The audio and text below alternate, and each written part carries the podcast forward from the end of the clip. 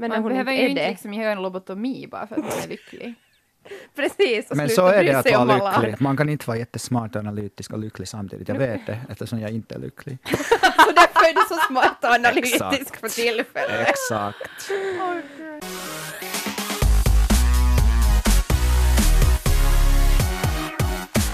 Både podden och Skam har nu kommit till sin näst sista avsnitt, alltså avsnitt nio av eh, säsong fyra av Skam och avsnitt nio av Skampodden, en svenska yle podcast med mig Mia. Och mig Frida. Veikka, det är lite tragiskt faktiskt att vi har kommit så uh, nära mot slutet. Så är Fast Frida verkar inte tycka så. Sorry, jag har inte sovit så mycket. Jag är Nej, lite det är lugnt. idag. Det är lugnt.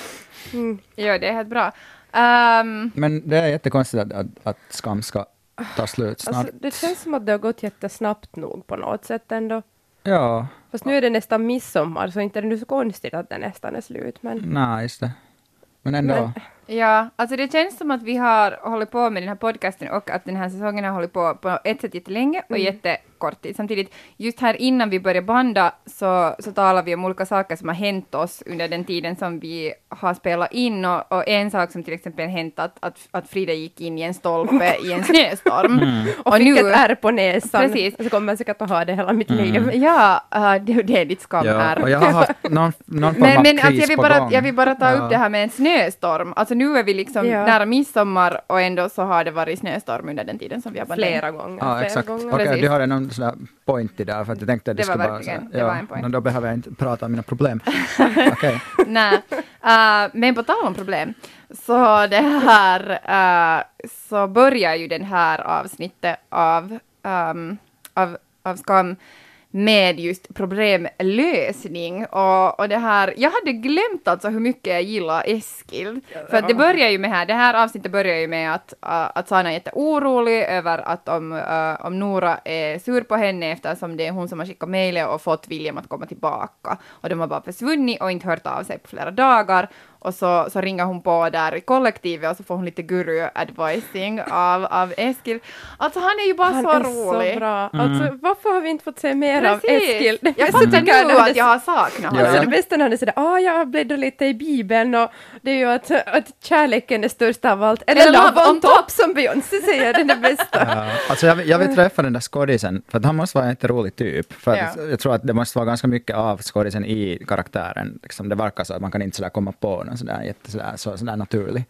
Ja. Jag såg ett karaktär. klipp med honom äh, där han talade om, om att vara homosexuell. Det var jättebra. Men Det var helt hoppas att superbra, han, han var, det. var jätterörande och jätteviktigt för att han talade om Ja, det ja, att alla antar att han är homosexuell för att han spelar homosexuell. Är och han han det? är så, Mm. Det vet jag faktiskt inte. Okej. Jo, det Ja, kommer han är, fram väl- i jag tror han är, han att är väl det. Okej. Men eh, liksom grejen är det att där skulle man aldrig fråga av en heterosexuell skådis. Att är du hetero också? Du kysste just en, du är en tjej och du kysste en kille. Är du hetero? Mm, exakt, Som det i är ditt bra poäng. privatliv också. Ja. Mm. Ja, ja, ja. Precis, men det, ja, det är ett jättebra klipp. Uh, googla upp det på, på Men alltså YouTube. han borde få en sån där, vad heter det när man, när en skådis får sån där, liksom, man, man gör det sån där sidospår, liksom serie, vad heter det? Ja! Spin-off. Spin-off. Alltså Spin-off. Eskils guru-advising skulle vara jättebra spin-off.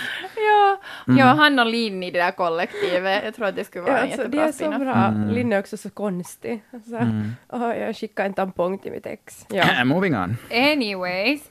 Um, ja, vad har ni för filis? Det Av hela klippet eller? Mm, alltså, avsnittet. av hela avsnittet. Mm, det kändes som att det var flera avsnitt. Jo, sant. Det var ju jätte, jättelångt. Var det 48 minuter allt som Mm. Ja, allt? och det där, det som vi kallar kanske för sista klippet, som egentligen var liksom, no, det var förstås liksom med i avsnittet, men det kändes som, för det var typ 20 minuter, den där, där liksom Sana och Josefsen får varandra på ett sätt, på ett sådär symboliskt sätt kanske sådär.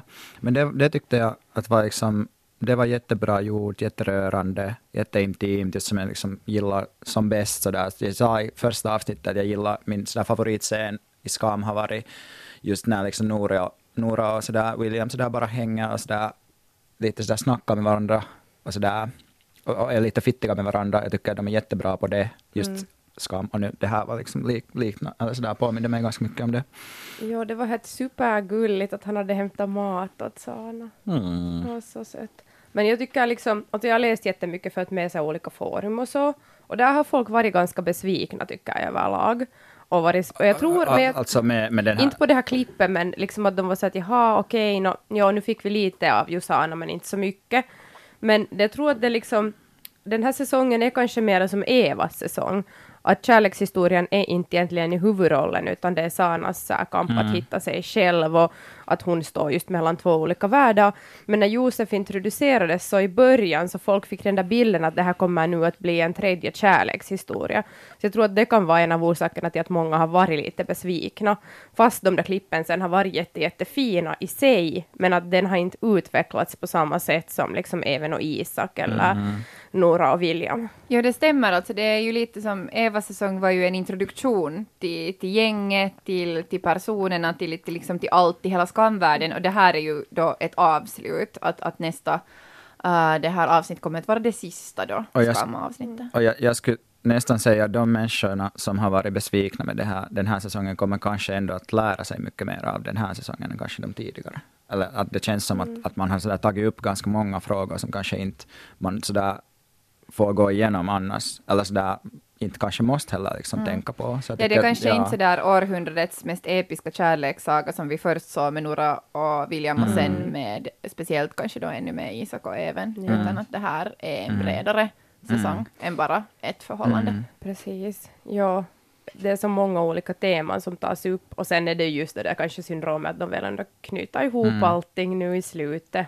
Vilket är helt liksom, Ja. man förstår det, men sen ibland som vi har talat om tidigare så är det lite synd att det tas bort uppmärksamhet från Sana. Ja. Just, vad tyckte ni om det där klippet då, när William och Nora igen kom tillbaka i, i serien? Alltså jag har börjat tänka nu att det är liksom med flit som de gör dem så störande. Alltså jag tidigare tänkte faller jag sådär att, att nej, det är bara jag som liksom som upplever att, att de är jättestörande på grund av att jag själv då inte liksom befinner mig i en så här jätteny kär relation eller något sånt. Att, att det är bara liksom jag som är lite så här själv är lite störande och störd. Men, så alltså, det, men det var ju, hon var ju helt otroligt störande, Nora, Alltså, alltså, när var- hon kom ut i den här bilen och hela den här nykära Nora som är bara så livet ler! Och man är så här, jag- jag- du kan inte anta att någon annan liv, att någon annan har det så bra bara för att du har det bra. hår som var sådär lite knullrufsigt, så hade hon... nu- Williams kläder Jag på skulle sig. säga att både Williams skjorta och byxor, vem ser sådär snygg ut i sina,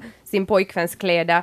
Särskilt när han ändå är jättemycket längre än hon. De skulle inte sitta sådär bra, inte åtminstone byxorna. Mm. Jag blev helt jätteirriterad på den där klädaspekten alltså. Nej, jag, jag blev bara, för hon kändes inte liksom som sig själv. Nej, jag tycker Äh. de har gjort henne lite annorlunda i den här säsongen. Ja, hon kändes liksom så här vimstig och lite så här, liksom Mm. lite så här, vad ska man säga, lite blåst. Jag tror att de ville visa sådär att, att nu har karaktären kommit till en sådär slutpunkt, men samtidigt som man inte har följt med liksom, hennes förändring så känns det jättekonstigt gjort egentligen. Jag tycker att man borde ha sådär, bara sådär, sådär skip it och sådär.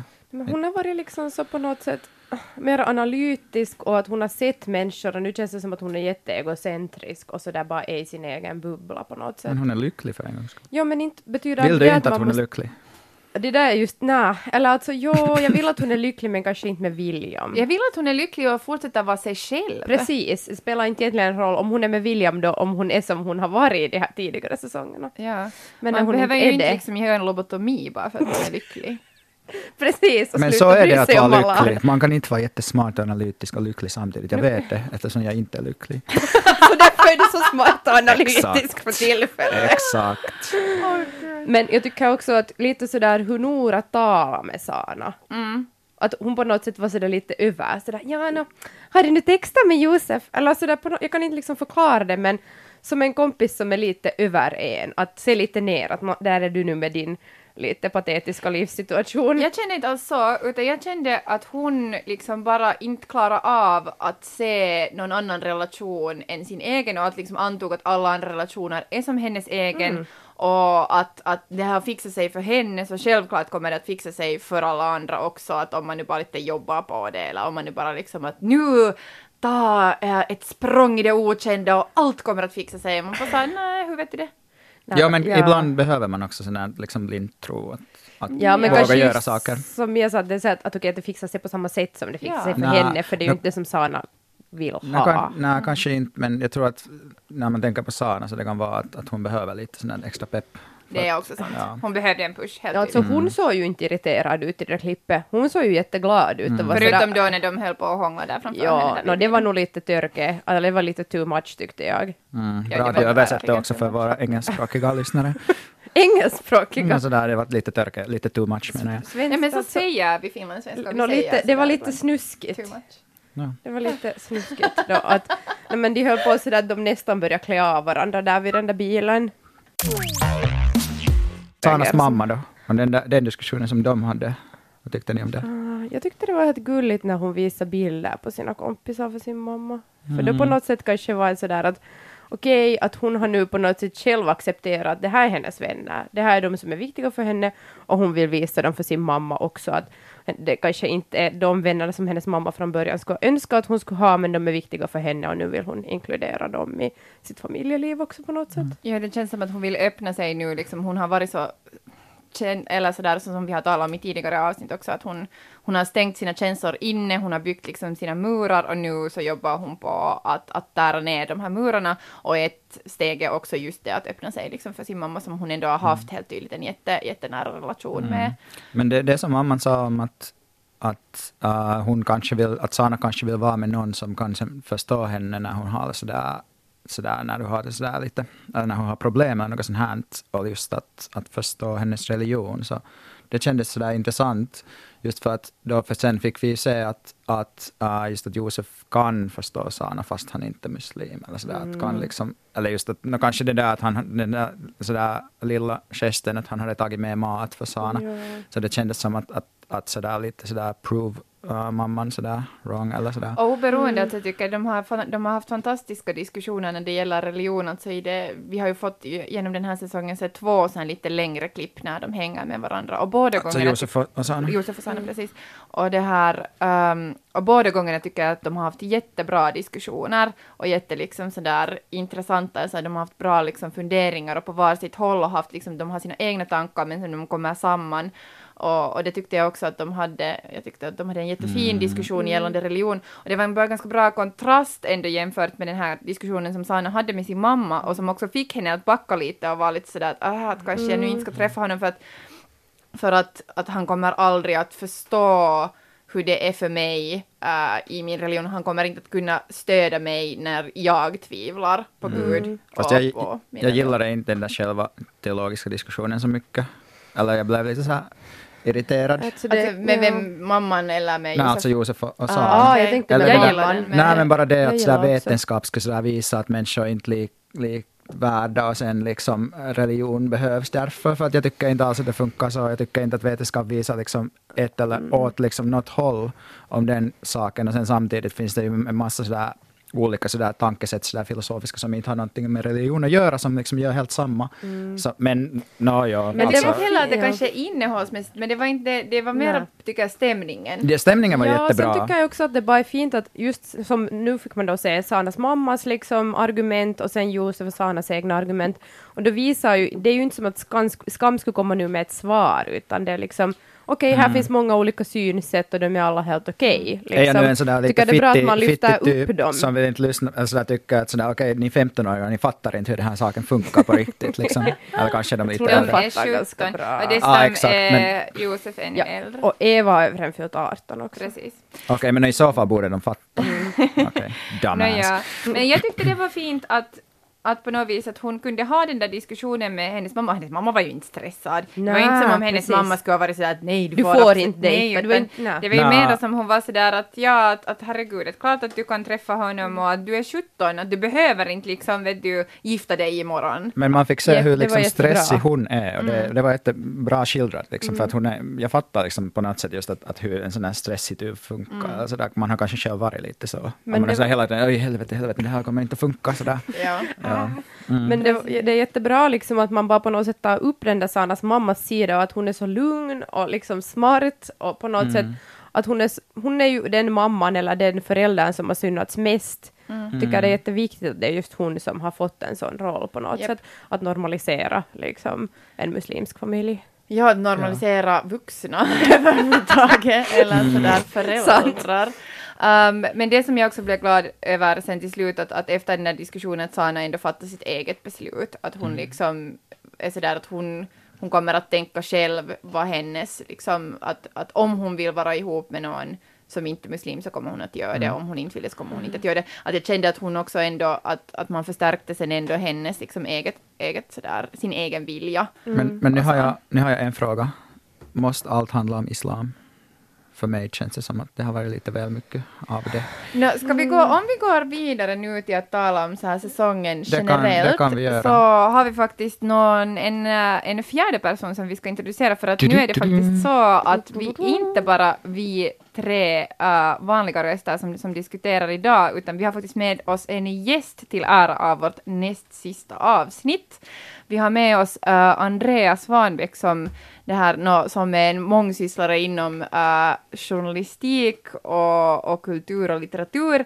Um, Andrea jobbar för tillfället på förlaget som heter Förlaget och har tidigare jobbat med bland annat Filmjournalen, så välkommen. Tack massor, en ära att få vara här. Jag är stort fan av er podd. Ja, och du är också ett stort fan av Skam om jag förstår Mm. Det stämmer. Jag, jag har faktiskt en sån här ganska eh, råddig relation till skam, men väldigt intensiv, för jag såg allting i fel ordning. Jag vet inte om ni har sett alla säsonger i rätt ordning, Ja. men, jag, men jag började liksom med tredje och så gick jag till första och andra och nu har jag sett fjärde, men den har liksom vuxit på Ah. mig. Vet Hur ni, var det att man- se det i fel ordning då? Ehm, jag trodde ju först att tredje var första, så det Okej. var egentligen liksom... eh, det, Andrea är inte så smart alltså.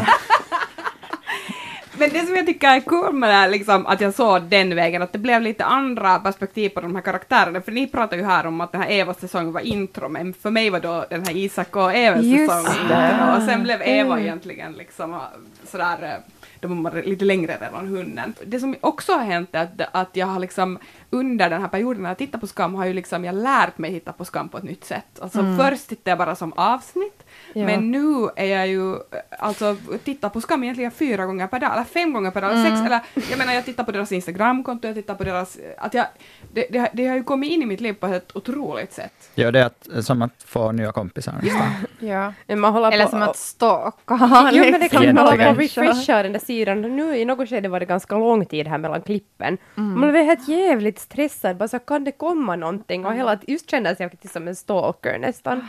Och deras, deras sätt att lägga ut eh, liksom ledtrådar i, på Instagram och på, det är helt enastående på något sätt hur, hur man blir hooked därför att man får själv lägga pusslet på ett sätt. Yep. Ja, alltså jag blev också i något skede när jag liksom äh, fick reda på att det här Elias och, och hans kompisar har det här YouTube-konto Mm. och sen fanns det flera YouTube-filmer där och sen började jag kolla på och jag var bara sådär åh, wow, att det här är liksom, eller jag vet inte, det, det var för mig också sådär att nu har jag koll liksom, att nu har jag sett någonting som jag äh, inte borde, eller inte bara det att jag inte borde ha sett men sådär att nu, nu fick man liksom veta en Men massa. det är nog intressant sådär för att jag vet ändå jättemånga som bara ser på avsnitten. Att jag fattar inte riktigt till exempel min mamma. Mamma, hur kan du fatta allt som händer liksom? För Ja, att men det man är mycket som inte... storyn om man... Ja, så mycket som inte kommer fram. Ja. Och så har jag också tänkt på att hur mycket har jag missat de senaste säsongerna när jag inte har kollat på det här sättet, utan då, alltså, det här är ju den första säsongen också som jag har kollat så här klippvis och Insta och, och också liksom läst analyser i olika Facebookgrupper och sådär. herregud. Att, att det här, att hur det skulle ha varit att, att kolla det Men man kan ju sen, sen liksom när den här säsongen tar slut så kan man börja från början. Men finns det alla liksom textmeddelandena kvar där också? Ja, det finns. Allt, allt finns kvar där på P3-sidan. Ah, Så det är sådär, yes. sådär ett härligt arkiv för Sen när alla oss. semestern regnar bort så kan man göra det. Det, är- samtidigt så har ju den här fjärde säsongen kritiserats för att ni vet vara lite långsam och lite trög och vad är egentligen tema och så här och det, och det är ju ofta liksom i det här berätt, sättet hur de berättar storyn eh, vågar de ju samtidigt just vara långsamma och filma folk bakifrån och inte liksom ge för mycket. I och för sig, det var intressant nu här när ni gjorde er analys av avsnittet innan jag kom in, så, så tycker jag ändå att ibland ger de ju alldeles för mycket, alltså just med Nora och William eller Eskil står utspel där i köket där man känner så att oh my god, det här är så over the top liksom.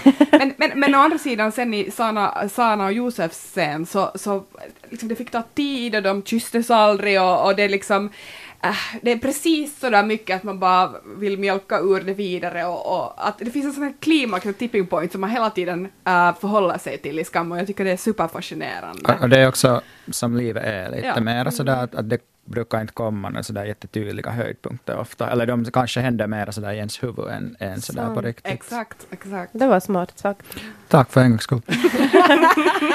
Nej, men jag, jag kan också jag kan känna igen mig liksom just i det där, alltså i både de här långa äh, klippen som finns då med, med Josef och Sana var de liksom bara hänger och, och har just sina diskussioner, men det är mycket så här minspel, det är mycket liksom hur man kollar på varandra och, och man liksom antar att man förstår liksom vad den andra tänker och har lite sådär och att det känns jättepirrigt och att de liksom förmedlar den där pirrigheten också i det på ett jättefint sätt utan att liksom sätta ord på det utan bara just via minspel och via liksom den där känslan av att vara nära med någon men ändå inte liksom Men därför tyckte jag att den där scenen med Eskil äh, var liksom lite disparat från hela serien. Alltså att det är lite sådär att ah, låt oss ge vad ni vill ha. Nu vill alla vill ha Eskil. Jag tror vi att det var älskar det, Eskil. ja. Vi, det är lite som karkkipåse att här varsågod och så går vi vidare och fortsätter i vår normala stil. Liksom. Det hoppar kanske lite, men jag var jätteglad att jag fick vara med ändå. Men alltså, jag, jag blir nog jätte sådär att jag skulle vilja vara nykär just när jag ser Josef och Sana. Och just kanske sådär att man inte skulle vara sådär att det, sådär när det helt börjar, att man träffar någon som man kanske har känt en tid eller någonting och sen börjar någonting hända och när man känner att okej, nu kanske någonting börjar hända. Att inte sådär intensivt som det ofta är, för det är så gulligt liksom. Ja, exakt. Att, att vi har bara kanske fått se liksom ett sådär kärleksförhållande, att man har inte börjat det från liksom från liksom gnistan på ett sätt, utan lite tidigare redan. Och det är också ett, en intressant grej. Mm. För liksom. det, nu är det ju jätteofta att det är någon som man har känt från förr eller vetat om och sen börjar någonting liksom. Och man kanske inte fattar det riktigt ens själv, för inte förstod Nej. hon kanske i början heller att hon börjar bli lite förtjust i Eller honom. han heller. Och inte Ja, ens eller han. efter det här avsnittet så vet vi ju säkert om de faktiskt är, alltså det är lite sådär, de kramades men det var ingenting, Ja. liksom, ja det kanske inte blir någonting Mm. fortfarande. En sak som jag, en liten, liten detalj som jag tänkte på var att hon äh, ringde honom. Om ni tänker på Sana som har messa och varit superkort och alltid svarat såhär yeah cool, fine. Det var så enorm personlighetsswitch där, plötsligt bara oh my god hon ringer någon liksom, att på något sätt sådär den ansträngningen måste ju hennes vardag vara enorm. Ja, det var, så, det var så viktigt att hon Ja, måste få tag på honom genast liksom. Mm. Men det där, uh, du sa ju Andrea att, att, att vissa har klagat på att det har inte varit så där tematiskt att det är klart att vad den här säsongen handlar om. Men för mig har det känts som att liksom, det är ganska tydligt, i alla fall att det handlar ganska mycket om liksom, Sanas sådär, tro och liksom, kanske där islam eller sådär, att vara, vara sådär muslim i Norge och sånt där. Och jag, sådär, jag har lite sådär jag vet inte vad jag sådär tänker om det, för egentligen tycker jag det är jättebra att det tas upp. Men sen liksom från den där karaktärens synvinkel känns det ibland sådär lite sådär att, att hon får inte vara bara liksom den där karaktären, utan hon ganska, ganska mycket skildras igenom liksom att vara muslim och vara muslim i Norge. Att, att sen, det är lite en sån där svår grej. Att samtidigt tror jag det är jätteviktigt för många att kanske till, till och med just många muslimer som sådär bor i, i, sådär, i Skandinavien, att, att få en sån karaktär och sen sån represent- representation, men ja, jag vet inte vad ni tycker. Det skulle vara jätteintressant att ha en muslimsk Exakt. tjej eller kille här som skulle kunna kommentera det.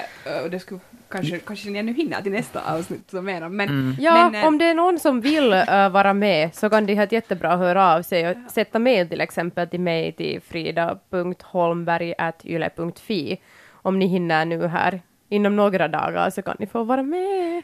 Eh, det jag bara tänkte säga som en kommentar till det här, att åtminstone så har väl, har väl det här säsongen bidragit till att liksom popularisera och bilda människor när det gäller liksom vad att Ramadan till exempel går ut på i praktiken och det här att man inte kan äta förrän solen gått ner och så här. För även om det är någonting som du kanske repeterar i skolreligionstimmen så jag menar det blir, det blir, det blir, det är så där du lär dig när du ser någon människa som du på riktigt bryr dig om och som du Ja. kan relatera till. Och det har varit många grejer som har sådär, tycker jag kan fungera jättebra, men samtidigt har man jag har blivit lite irriterad på vissa saker, som till exempel hur Isak sa att, att Sana ska sådär kunna svara på alla frågor, och sen liksom har, den ändå så, har serien inte skrivits av en muslim. Så, sådär, men, no, ja. Alltså jag läste en lång artikel som var i Teen Vogue och det var två stycken muslimska tjejer som var intervjuade där.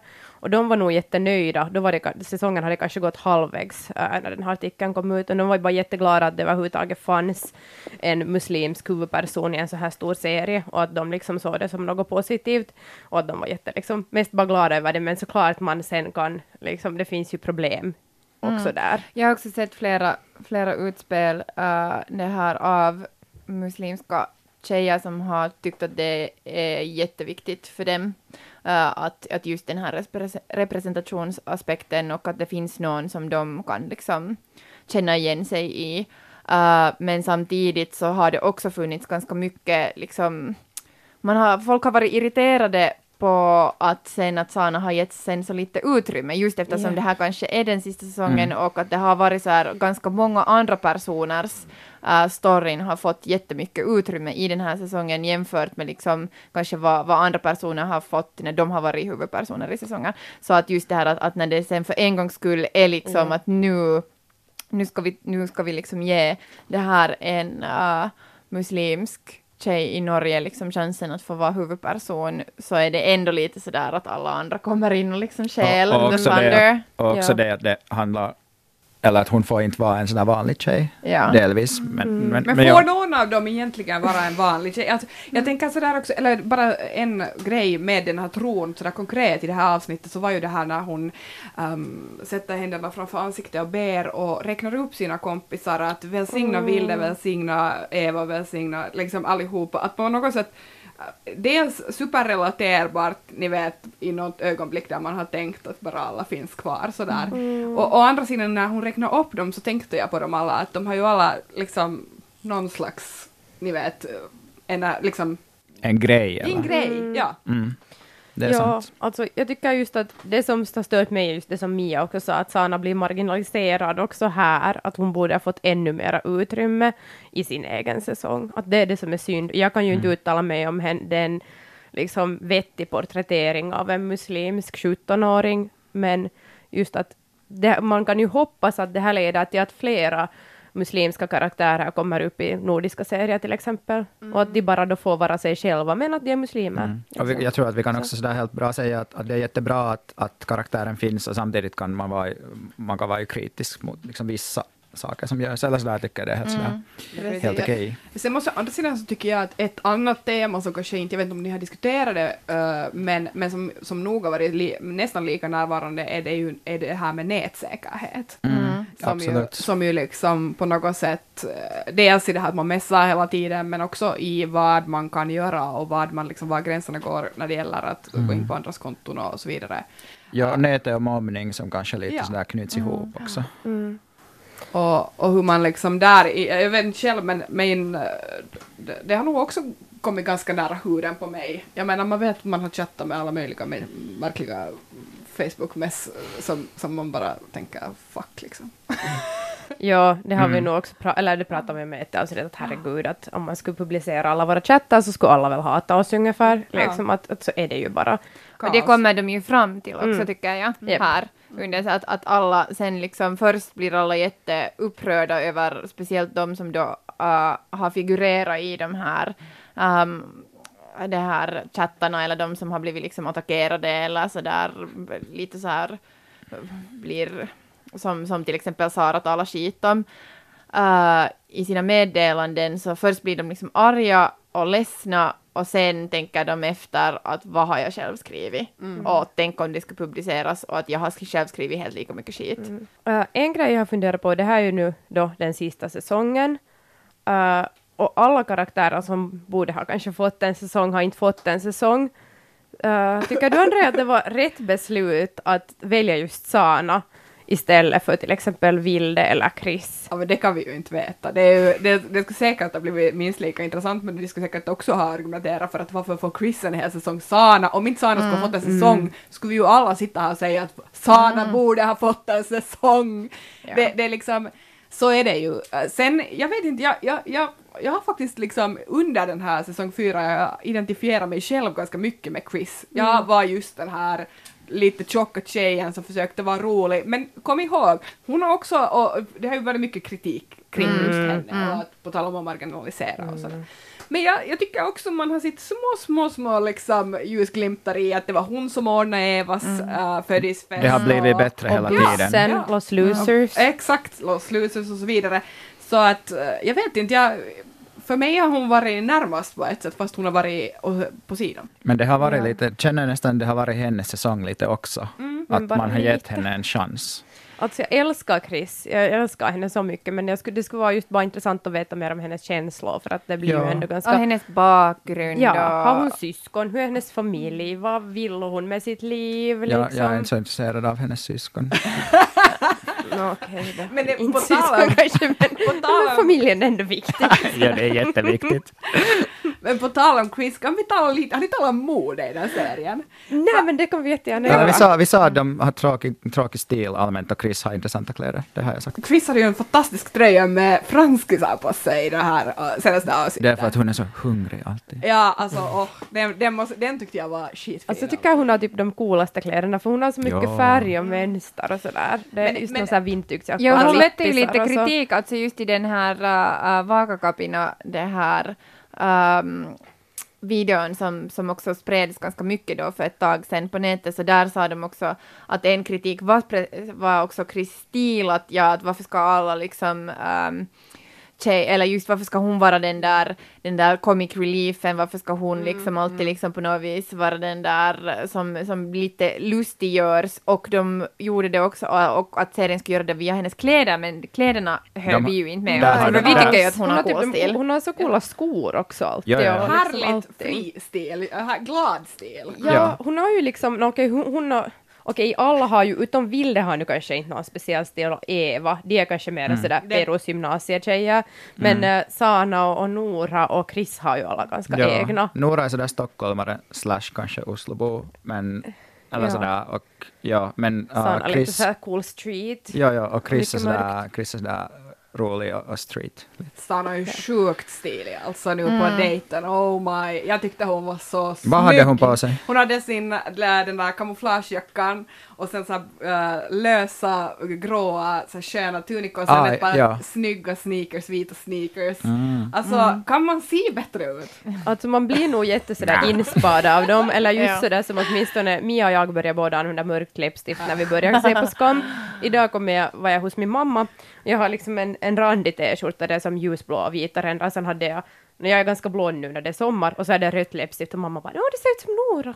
Eller just att man på något sätt Inte vet jag, man börjar på något sätt ändå lite och nu är jag jätteinspirerad av just Sanas lösa byxor, att jag skulle vilja ha Och något. hennes hoppare. Ja, En annan stildetalj som jag bara måste nämna är ju, jag, jag tror inte att det var det här avsnittet, men avsnittet före det på festen, Eskils. Uh, det är så, det, det är på Va, samtidigt... vadå? Va? Alltså hans solglasögon, han har så här, Mm. de kallas för på finska så här nopeat. Ja, är, japp. they Ja. are coming now. Ja. Och vi pratade med min kompis om det här, att det här är det ultimata ålderstecknet. När, när man liksom inser, när man ser någon som kommer med sådana och så, och så fattar man inte att det är sistigt, man måste tänka liksom fem sekunder att, att, att shit vad han, han skämtar, men de facto så det här är nu... Alltså här är, jag tänkte att han skämtade. Det var, det var liksom men, men, tanke. jag tror det är lite samma sak, att det sådär, kan vara sådär fint och, och roligt samtidigt. det är lite Sådär. ironiskt. Lite. Sådär. Men, men Det är inte så mycket som om jag, jag skulle ha dem. Det skulle vara liksom ett skämt. Sådär. Men det är lite såhär Silvana Imam liksom, vet du, populariser, liksom populariserat så att säga. Mm. Ja. Jag tror vi kommer att se många sådana. Jo, det har jag nog lite problem med. Jag har haft sådär, jag har använt typ magtröjor och sånt och det har varit helt fine, men de där glasögonen vet jag inte, de påminner mig kanske för mycket om typ högstadie eller något lågstadie. Men alltså på tal om just så här kläder och mode och så, så det har ju blivit också en grej liksom för skamfans att äh, det här att köpa liksom olika skjortor med så här skamcitat eller med just Isak Hjärta Even och har tre. Ja, exakt. Och sen då, Tre likadana. Nej. Och livet är nå och sen Isak och även. Ja, att, att det liksom har också gjort att det är inte bara det att folk liksom kopierar deras stil, utan också det att man vill liksom visa att man är ett skamfan och att, att det är liksom det bästa sättet. Och, och där var det ju lite av en liksom så här turbulens kring det här med att Gina Tricot hade, eller har också liksom så här några t-skjortor med, med skammotiv, men att de hade inte bett om lov äh, om det från liksom det här produktionsbolaget. Så de har, gör alltså då pengar på skam, men varav inga av intäkterna går till skam. Jag Och det inte- tycker jag kanske själv är ändå lite Alltså. Jag tror inte att de där andra för heller har frågat av produktionsbolagen, men de är så små. Men de alltså- som gör de där Men who cares? typ. Alltså, de har ju så mycket pengar, det är ingen skillnad.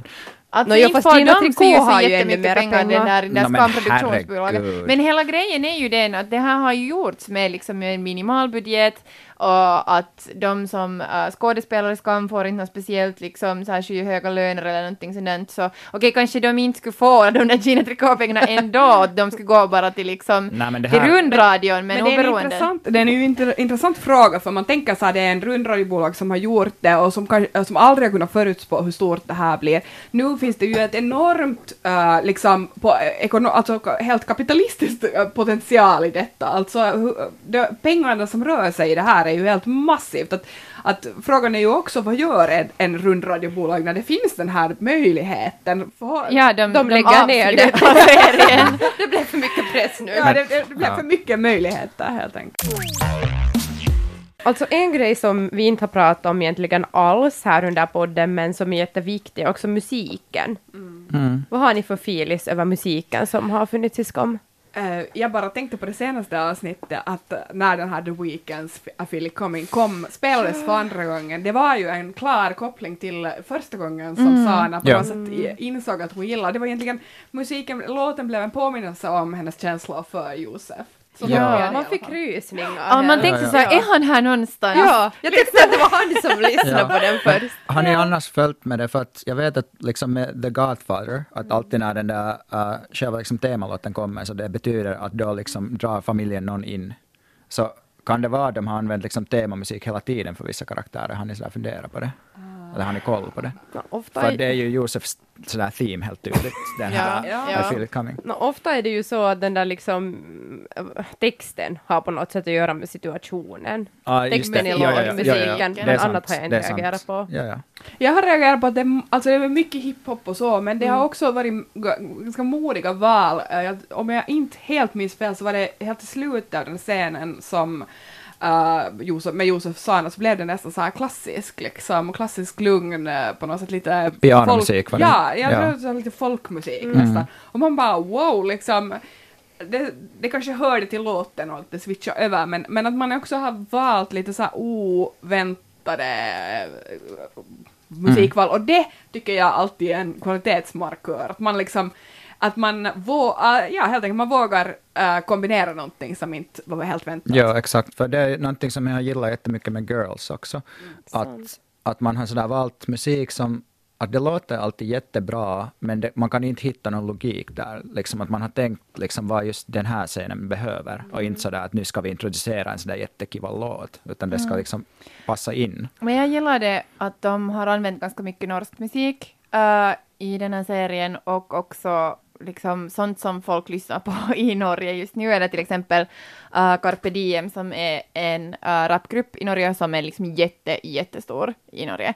Um, så, så de har använt flera av deras låtar och sen så har de liksom använt, alltså min favoritlåt från uh, den här säsongen är när det här, uh, nu måste jag lite, lite lunta här, um, det här en uh, norsk ganska ung artist som heter Amanda Delara uh, gör en remix uh, av en av de här Guneri, alltså en av Carpe Diems uh, låtar som heter Gunerius och den är sjukt fin tycker jag, den, Den är där remixen. ja. Och den där själva låten i sig tycker jag också är helt kul. Men, men just att, att de har använt också den här plattformen att lyfta norska, liksom, också kanske lite mindre artister och ge dem utrymme. Och ja, det är bara Och- coolt. En, en av de här killarna i det här ballonggänget, han är ju själv rappare, man kan Ah. kolla Mm. på hans... äh, Vem då? Det är är det alltså, Mikael? äh, eller? Ja, han med krulligt hår. Ah. Lite sådär bakgrunds... äh, kompis till Jag kommer Sanas inte brorsa. ihåg vad han heter. Mm. Ni kan kolla i alla fall, så Skam äh, Facebook-konto delar hans rap-video, han står på en fjälltopp och rappar. Nice! Men alltså, Fint. jag har nog för, börjat lyssna jättemycket på norsk musik, sen har jag lite Ja. som en bisak börjat lyssna på dansk musik också. med Och det är inte William också, alltså han som spelar William, han är, så han DJ, är DJ. Ja, eller han har blivit DJ efter Skam, för han har blivit känd och han är snygg så han kan jobba som DJ. Alltså, jag det är som Elijah Wood som är också DJ, men Jo. ingen är intresserad av musiken egentligen. wow, jag har sett Bilbo! Alltså jag har faktiskt Ja. varit på Ella. Men det är, sådär, det är på riktigt sådär, för mig skulle det vara liksom dubbel förlust att vara på någon Williams DJ-gig. För att jag skulle inte vilja se honom eller lyssna på musiken. Jag gillar nog, jag gillar nog honom som spelar Ja, William. gör du det? Han är nog helt söt. Jag, jag har inget förhållande liksom, till honom, eller känner inte att jag har ett känslomässigt förhållande till honom, men jag har ett väldigt starkt så negativt känslomässigt förhållande till hans William. karaktär. Du, Ja. du och Elijah Wood då? Alltså, Men de honom var jag ju jättekär i när jag var ung, så jag måste ju liksom. Det var ju Stockholms modevecka bjöd väl in honom också som en sån här liksom, ni vet, eh, lyxöverraskning. Åh, kolla William! Men han var väl där mera i Maskot. William sig själv. Ja, Precis, och, maskot. och, och nu hade P- eh, Penetrator Chris varit i Göteborg och alla bara wow! Alltså, hade han bara varit i Göteborg? Han hade eller? bara varit i Göteborg överlag och sen hade folk börjat fota honom och bara så shit han är i Göteborg nu. Hmm. Det är nog liksom crazy hur stora kändisar de här Ja. skådisarna har blivit. Men samtidigt att vi inte har koll på vad de heter, alltså sådär privat. Alltså att, Thomas eh, Hayes hette han. Ja, precis. Ja, Vissa har men, koll. men, men liksom, det har inte ändå blivit en sån, kanske, Nej. enorm... Det som är Och det har, tror jag också, alltså det har de ju gjort med flit. Exakt. Mm. Det har ju varit ett medvetet val att inte lyfta upp Mm. dem hemskt mycket, uh, utan att, och kanske de kommer att göra det nu, efter att serien tar slut. Men det är ju också någonting tidsenligt över det. Liksom att man på något sätt, liksom, ni vet, det känns modernt på Mm. något sätt. Att, att det är de här kar- karaktärerna, fiktiva karaktärerna. Och jag tror också att den här, på det, det sättet som Skam gör, som är liksom på, genom att göra personerna levande, genom att ha Instagram-konton, genom att ha Facebook-chats, genom att ha YouTube-kanaler, så, så det hänger också lite på det att de måste vara de här karaktärerna liksom hela tiden. Och, och då kan man kanske inte heller ge så jättemycket utrymme till de verkliga personerna bakom karaktärerna, att kanske de kommer att få få me- vi kommer att få höra mer om dem liksom när de sen börjar göra sina nästa jobb, för det antar jag att de flesta av dem kommer att göra för att de är ju helt otroligt bra skådisar. Jag kan Alltså. berätta en nyhet på den fronten. Nå. Isak har... Skamnyheter. Skamnyheter. Ja. Isak kommer alltså att i eh, vinter vara med i musikalen Grease i Oslo. Nej, är det Fan, vem ska han Ja, spela? Okej, ja, det- Det här skamresa. visste jag Ja, redan. det här kan ni... Men vem ska han spela, vet du det? Han, någon av de här brylkrämskillarna. Ah, hej, får jag ställa en fråga om skådisarna?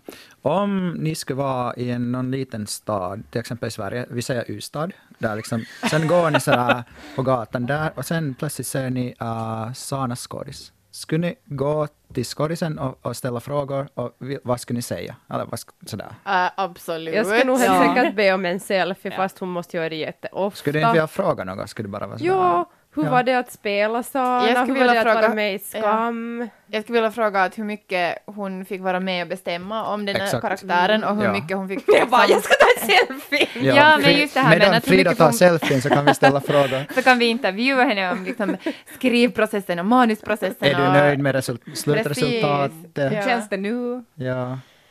Ja. Uh, men jag skulle säga att musiken var det att, det har ju varit också en sån här nästan mantra som alla har sagt att det här är, vi, vi har alla lärt oss norska liksom. Men, men Inte jag. men Och jag kunde den norska. Men förhopp- förhoppningsvis vi är så så ger det, ger det här ju också på något sätt en sån här effekt av att man eh, inom Norden blir mer intresserad av varandras musikscener. Mm. Att det inte bara är liksom norsk musik som gäller utan också dansk och, Och finländsk musik har blivit musik. jättestort i Norge säkert. Precis, hoppas vi. Uh, nej men det är någonting som, som uh, det känns som att um, man kanske liksom, den här logiken att det går att upptäcka Mm. Det är sant. Ja. finns, liksom, har kommit till. Till och med har- man kanske lite fått en sån där gemenskapskänsla Ja. som inte har kanske funnits så mycket, fast det borde ju förstås, att just med språket och sådär, att man kan på riktigt följa det på norska. och liksom, Ja. ja. Jag har alltid känt mig jättenära Norden till alla nordiska länder, för jag känner inte mig alltid så jättefinländsk, liksom. Eller sådär att jag känner att jag har jättestark nordisk identitet, så, men det känns som att det har blivit ännu mer kanske Vi är lite isolerade stärkt. här ändå, men det där... Nå, I ja. mitt lönearbete så arbetar jag ju med nordiskt samarbete. Mm. det här, eh, och, och där så kan jag säga det här att, att folk är jätte, jätte liksom taggade på Skam. Alltså, jag, alltså flera av de människorna som jag jobbar med, så de har kanske nödvändigtvis inte själva sett på Skam, men liksom alla känner ju till fenomenet för att, för att vi har sett det i alla våra länder att folk har blivit mer intresserade just av varandra och speciellt att liksom den eh, målgruppen av ungdomar som, som Skam också från början har liksom koncentrera sig på, så att de också har blivit jätte så här inne på att hej, att norska är ett kul språk till exempel, att, att norska har blivit jättepoppis i Danmark. Och så, så har har danska ungdomar har blivit liksom så jätteifilis över att hej, det skulle ju vara jättekul att lära sig norska till exempel. Och att, att sånt som, som liksom som, som vi sitter och funderar på på dagtid, hur ska vi få liksom äh, andra nordbor att intressera sig mera för varandra och vilja flytta runt och sådär. Uh, och så sen så det är ju sådana saker som får Ja. till det alltså. Men tänk om ni skulle ha istället gjort Skam som sån här webbserie. Det skulle ha blivit jättedåligt. Så det är det blir jättebra. helt horror! Alltså nej, alltså Så skulle det vara så här en från av alla nordiska länder eller något. nej. Men alltså, Mia skulle nej, kanske snälla. fått vara Men med. jag har svårt att Ja. tro att just sådana här, jag menar inte bara NRK som nu då har det här som vi redan talade om jättestora ekonomiska potential ändå som de, jag menar måste förhålla sig till för att alla vill ha mera fast det tar slut. Det är ju inte heller de här nordiska organisationerna tror jag kommer att kunna släppa det här. Det är klart att, att folk kommer nu att jaga någonting liknande med händer och fötter. Och sen det- blir det mycket värre förstås. Ja, förstås. Fast det Och- är och- jättefint ändå att det har lyckats liksom att nå, kanske nu inte en finländsk serie kommer att bli en sådär stor succé, men ändå att man kan göra något Ja, som ja, är ja. sådär sjukt bra. Och Ja. inte är det sagt att någon finländsk serie inte skulle kunna bli det, men det är ju förstås liksom språket som lite Och begränsar. spridningen också, just hur de har marknadsfört Ja. det och på något sätt inte marknadsfört det och hur folk har hittat Det har ju det. gått till exempel jättebra för finsk film i Cannes här om året. Vann vi Ja, ja. stora priser. Så att jag, jag tror nog mer det handlar om den där självbilden som vi inte ska, vi ska inte vara så hårda mot oss själva. Kanske ska, det skulle vara intressant att se något sådär estniskt som skulle bli stort i Finland. Ja, men att säga nu om det här, den här positiva effekten av Skam så, så är det ju också att jag tror att flera liksom nordiska serier kommer ännu, nu tack vare det här att bli uppköpta av andra nordiska länder. Um, och Julia Andem har ju gjort en, en serie som heter Jenter, alltså flickor då, tidigare, liksom innan Skam, som också var ganska poppis i Norge. Och den, uh, om jag har förstått rätt, så är den också köpt in till Yle och den kommer att komma till arenan i något skede. Den är inte där ännu. Den finns, uh, SVT har också köpt den och den finns på SVT Play, men den är geoplockad så man kan inte Men se det är den så på SVT. unga där, jag är inte helt säker om jag är Men alltså intresserad av det, den. ja men så där säger, sa ju folk om Skam, vet, alltså men- från men- början, men att, att, att jag ja. tror att jag har Man bara hört att den är jättebra Men det är liksom som en skriven. barnserie. Ja, men att, Fast okej, jag älskar ju Sunes sommar också. Alltså vad, vad är pratar vi om nu? det, är, det är barnfilm. ja, men, men vad, gör, vad gör Bert nu för tiden? Men vad tror ni att Julia Andem kommer att göra nu? Hon kommer ju ha ganska... hon kommer ju ha press på Sim, sig, simma alltså. i sina pengar, Hon tror får, jag. göra, ju- hon får ju göra vad hon vill alltså. Men det måste också lyckas. Det är, Ja, men det, att det, hon har redan lyckats. Jag vet, men det blir liksom... Jag, undrar, jag hoppas att hon inte själv är helt sådär. Att, Det tror jag inte. Fuck. Jag tror hon vilar på lagrar. Alltså Ja. jag menar inte att hon vilar, men jag menar jag tror att hon känner sig jättelugn. Kanske gör hon något helt... Jag tror att hon gör något... Men, men jag har funderat på det här på riktigt sådär att, att om man gör någonting som är jättesådär framgångsrikt och man använder alla sina idéer, det är ju helt hemskt. Som liksom Lena Dunham med Girls. Hon har gjort en film tidigare som har precis samma teman och en del samma så- skådisar. Vad kommer hon att göra sen näst? det, är sådär, det är jättesvårt. Men nu gör hon ju en podcast. Hon har skrivit Men en bok. sidan, alltså det är klart Fast det att man- handlar om samma sak. Det är klart att, att, att man har en, en, en sån här kreativ uh, liksom burnout, så att Mm. säga, säkert. Men å andra sidan så har man ju fått bekräftelse på att det man så att säga är inne på är efterfrågat. Det tror jag att det är en jättestor tillgång, att känna så här att hej, att jag är helt klart på rätt spår.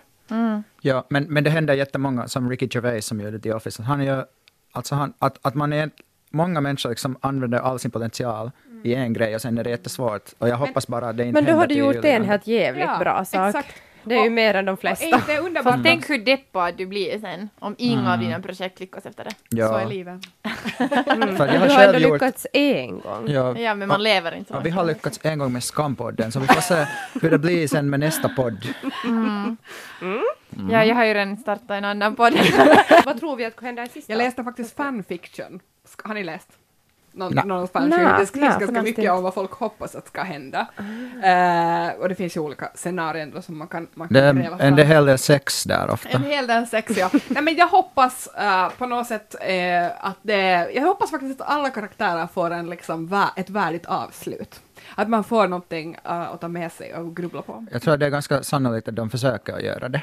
Ja, det känns att, att Sanas liksom, historia på något vis kommer till sitt, kom till sitt slut kanske. Liksom, att, Jag hoppas bara att vi inte får se uh, någon ha barn. Jag vill inte säga det sådär. Nej, Det men hinner vi det, nu inte. kommer inte att se någon. Det blir nog inte någon epilog. Det är det som jag är mest rädd det är för. en helt fair Jag point. vet ingen Harry Potter-avslutning tack. Ja, jag hoppas att de inte försöker göra för lyckliga slut för alla, för det är inte realistiskt. Eller liksom, inte behöver någon vara olycklig, men inte sådär att alla nu hittar plötsligt en partner, eller att alla liksom på något sätt, det kan inte avslutas på det sättet tycker jag. Nej, jag tror att vi kan vara ganska säkra på att Chris inte kommer att få liksom någon så här speciellt, alltså, alltså inte för att hon skulle vara så jätteolycklig för tillfället, men jag tror inte att de kommer att ge henne liksom någon prinsessaavslutning. Nå nej, no, hon har nu inte fått en inledning, så inte kommer hon att få en avslutning heller. Nej. Men, men åtminstone någonting liksom att, så att man själv kan liksom på något sätt fantisera vidare och ta dem, ta dem vidare. Det hoppas jag. Det är det bästa. Tack Andrea att du var med. Tusen tack att du var komma, med. Det var Tack. jätteroligt. Det här var jättekul. Och om en vecka, typ, ish, så hörs vi med sista avsnittet av Skampodden. Hej då! Hej då.